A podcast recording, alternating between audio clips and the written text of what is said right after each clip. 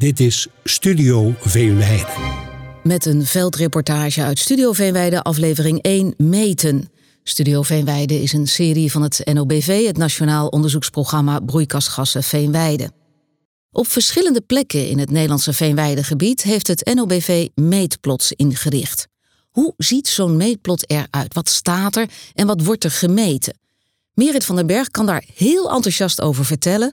Zij is postdoc-onderzoeker bij de Vrije Universiteit en de Radboud Universiteit en specialist op het gebied van meten en analyseren van broeikasgasfluxen uit venen.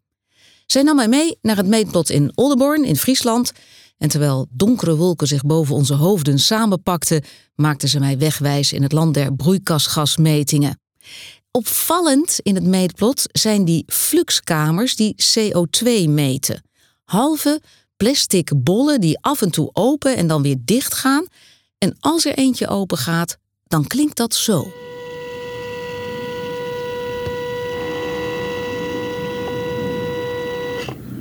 Ja, hier is het eentje open. Ja, hij is overgegaan. Hij heeft uh, een paar minuten gemeten. En uh, als hij dicht zit, dan uh, ja, dan vangt hij eigenlijk alle CO2 op die in de bodem wordt geproduceerd. Het is eigenlijk een soort klein broeikastje, een oester die open en dicht gaat. Ja, dat is het, ja. ja. En uh, hij is dus ook transparant. Dus is zodat dus het licht er doorheen komt en die gas nog wel gewoon kan groeien en zijn ding kan doen. Het is een soort broeikast, dus dat betekent ook dat de temperatuur hoger wordt. Dus je moet hem ook niet te lang dicht hebben en dan kan die weer open en dan, ja, dan kan die weer uh, ja, op adem komen, zou ik bijna zeggen. Ja.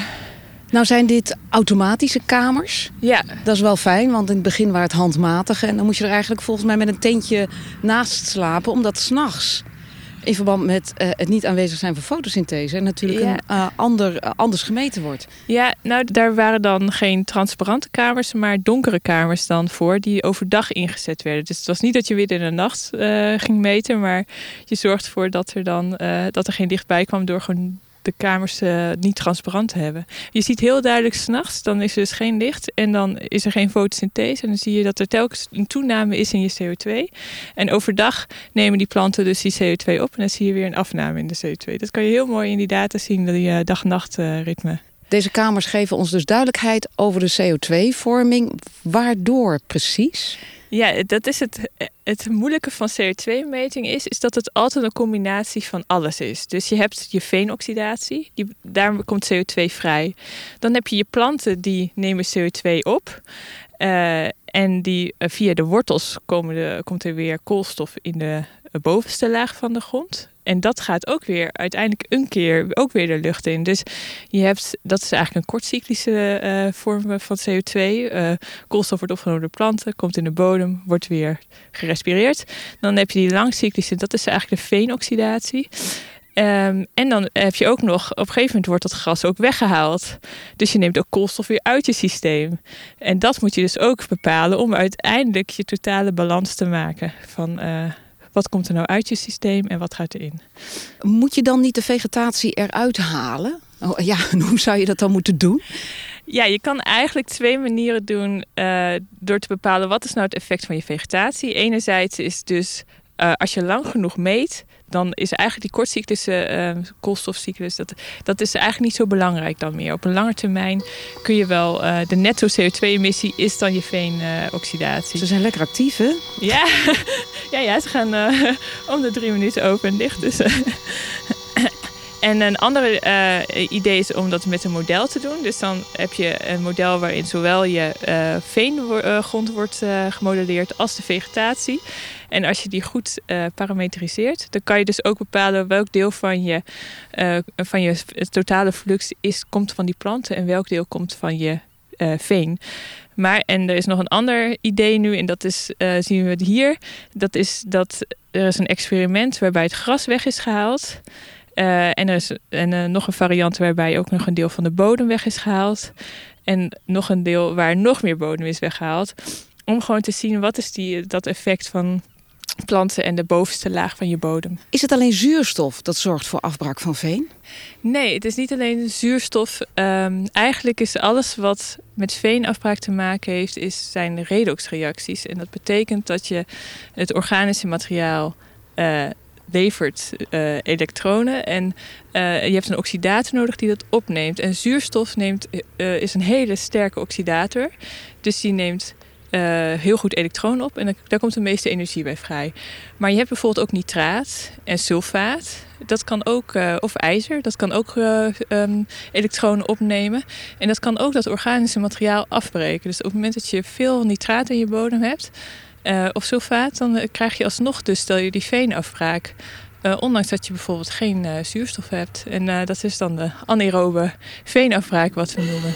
En dat weten we nu niet direct hoeveel dat is. Dus ehm, dat is nog wel een uitdaging om te bepalen ja, hoeveel is anaerobe en hoeveel is aerobe uh, veenafbraak. Maar we meten wel redoxpotentiaal en dat is eigenlijk een soort maat van hoe, uh, welke oxidator er in de bodem zit op welke diepte. Dus dat kan uh, wel iets zeggen over waar er potentieel anaerobe veenafbraak plaatsvindt. Zijn deze uh, CO2-fluxkamers uh, nou het hart van dit meetplot? Want ik zie veel meer. Ik zie stokjes uit het gras naar boven komen. ik zie kastjes. Ik zie meters van twee meter hoog. Ja, we meten echt alles. Ongeveer wat mogelijk is. Ja, dus naast dat je. Alles heeft met alles te maken. Alles heeft met alles te maken. Dus uiteindelijk je grondwaterstand uh, verander je met een maatregel. Dus die grondwaterstand wordt gemeten. Uh, uiteindelijk verandert de grondwaterstand je, uh, uh, je bodemvocht. Dus dat wordt ook gemeten. Uh, temperatuur is een hele belangrijke voor afbraak van veen en überhaupt van afbraak van organisch materiaal. Dus dat wordt gemeten. we zien daar een kast staan dat iets hoger is. Dat logt de data van de extensometer. De extensometer zie je daarnaast staan. Dat is dat grijze dingen op de grond. En dat is eigenlijk een, uh, simpel gezegd, een soort pin wat in de bodem gaat met ankers aan op verschillende diepten. En hij meet eigenlijk die beweging van de bodem op verschillende dieptes, uh, meet hij heel uh, nauwkeurig over de tijd. Ja.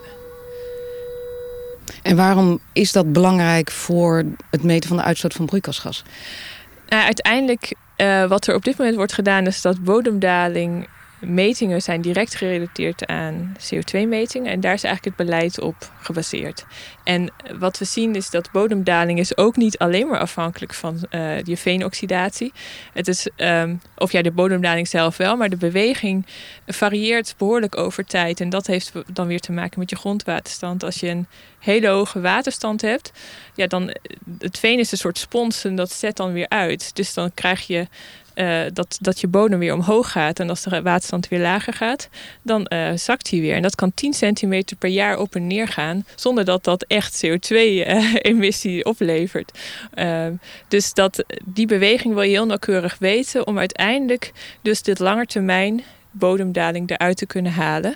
En ook die link dan weer te maken met je CO2 uh, flux. En als, als, als je die link goed kan leggen, dan kun je ook bodemdaling bijvoorbeeld gebruiken als, als proxy voor je CO2-flux. Uh, eh, die paal die we hier zien, daar zie je een soort, uh, ja, ook een sensor op staan. En die meet temperatuur en luchtvochtigheid. Je ziet een zwart sensor nog iets daarvoor. Die meet de straling die van boven komt en weer teruggekaatst wordt. Uh, er staat een regenmeter. Dat lijkt een beetje op een uh, grote beker die je daar ziet. Er wordt regen gemeten. Uh, en die stokjes die hier uit de grond komen? Ja, die stokjes die zitten op verschillende diepten in de bodem. Er zit aan de onderkant zit een keramische cup, zoals dat heet. Um, en dat zit verbonden aan een, een, slangetje. En die komt boven uit de grond. En uit dat slangetje daar kun je water uitzuigen. En, um, en dat is eigenlijk het water van de bodem. Dus op verschillende dieptes kun je dan uh, dat bodemwater eruit halen. En dan kun je zien wat is de samenstelling. Hoeveel nitraat zit erin. Hoeveel koolstof zit erin. En, um, en dat kan bijvoorbeeld ook iets zeggen over... Nou ja, bijvoorbeeld die drainagebuizen. Die voeren bijvoorbeeld water weer aan. En zorgt dat voor een andere samenstelling van uh, nitraat in de bodem. En neemt dat koolstof mee. En dat soort dingen. Als je dit plot nu 100 meter verderop zet, ja. krijg je dan andere metingen? Ja, dat weet ik niet. nou, ja, het is natuurlijk, je kiest een locatie en dat, we hebben wel natuurlijk gekeken, is die samenstelling van die bodem, uh, er zijn wel van tevoren boringen gedaan om te zien, uh, is dit een juiste locatie of niet? Of zitten hier rare dingen in de bodem die we niet willen meten? Uh, dus... Um, Maar je hebt altijd variaties. En we zorgen ook voor variatie. Om die te bepalen hebben we geen één kamer. Maar we hebben hier vijf kamers op een rij staan. Dus dat, daarmee eh, wil je die variatie ook al een beetje wegnemen. En dat doen we met elk, alle sensoren zijn altijd in meervoud aanwezig. Uh, en daarnaast hebben we hier ook nog een Eddy covariance toren staan. En die meet eigenlijk de flux van het hele perceel. Dus die vergelijking kan je dan ook nog maken. En zien, ja, dat was het eigenlijk wel. Hebben het goed gedaan. meten, we het, meten we het juiste hier, ja. Dus dit plot blijft uh, waar het is. Dat gaan we niet verplaatsen. Het lijkt me wel een goed idee als we onszelf gaan verplaatsen. Want als we de, de, lucht, de lucht bekijken, komt er een enorme bui aan. Ja, goed. Laten we gaan. Het meetplot van Oldenborn ligt op het land van boer Martin Dijkstra... die meedoet aan het NOBV-programma. En wil je weten waarom hij meetplots op zijn land heeft toegelaten?